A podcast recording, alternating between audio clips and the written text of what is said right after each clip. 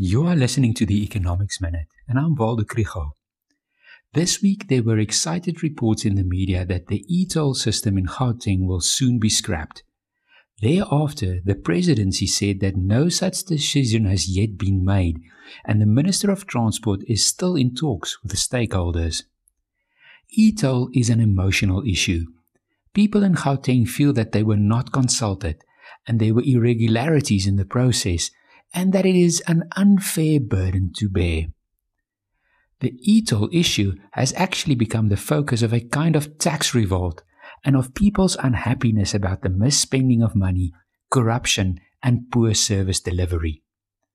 The e-toll debate that we are not having is about how we want to fund infrastructure in the future. If users do not want to pay, the private sector will not want to play a role. If the state has to pay, we have a problem. State coffers are empty and the debt burden is already very high. No one wants personal income tax or company tax to increase.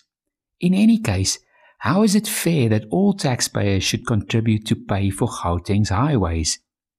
Where technology makes it possible to make only the users pay, we should use it. If you want to learn more about the economy, follow the Econ 101 page on Facebook.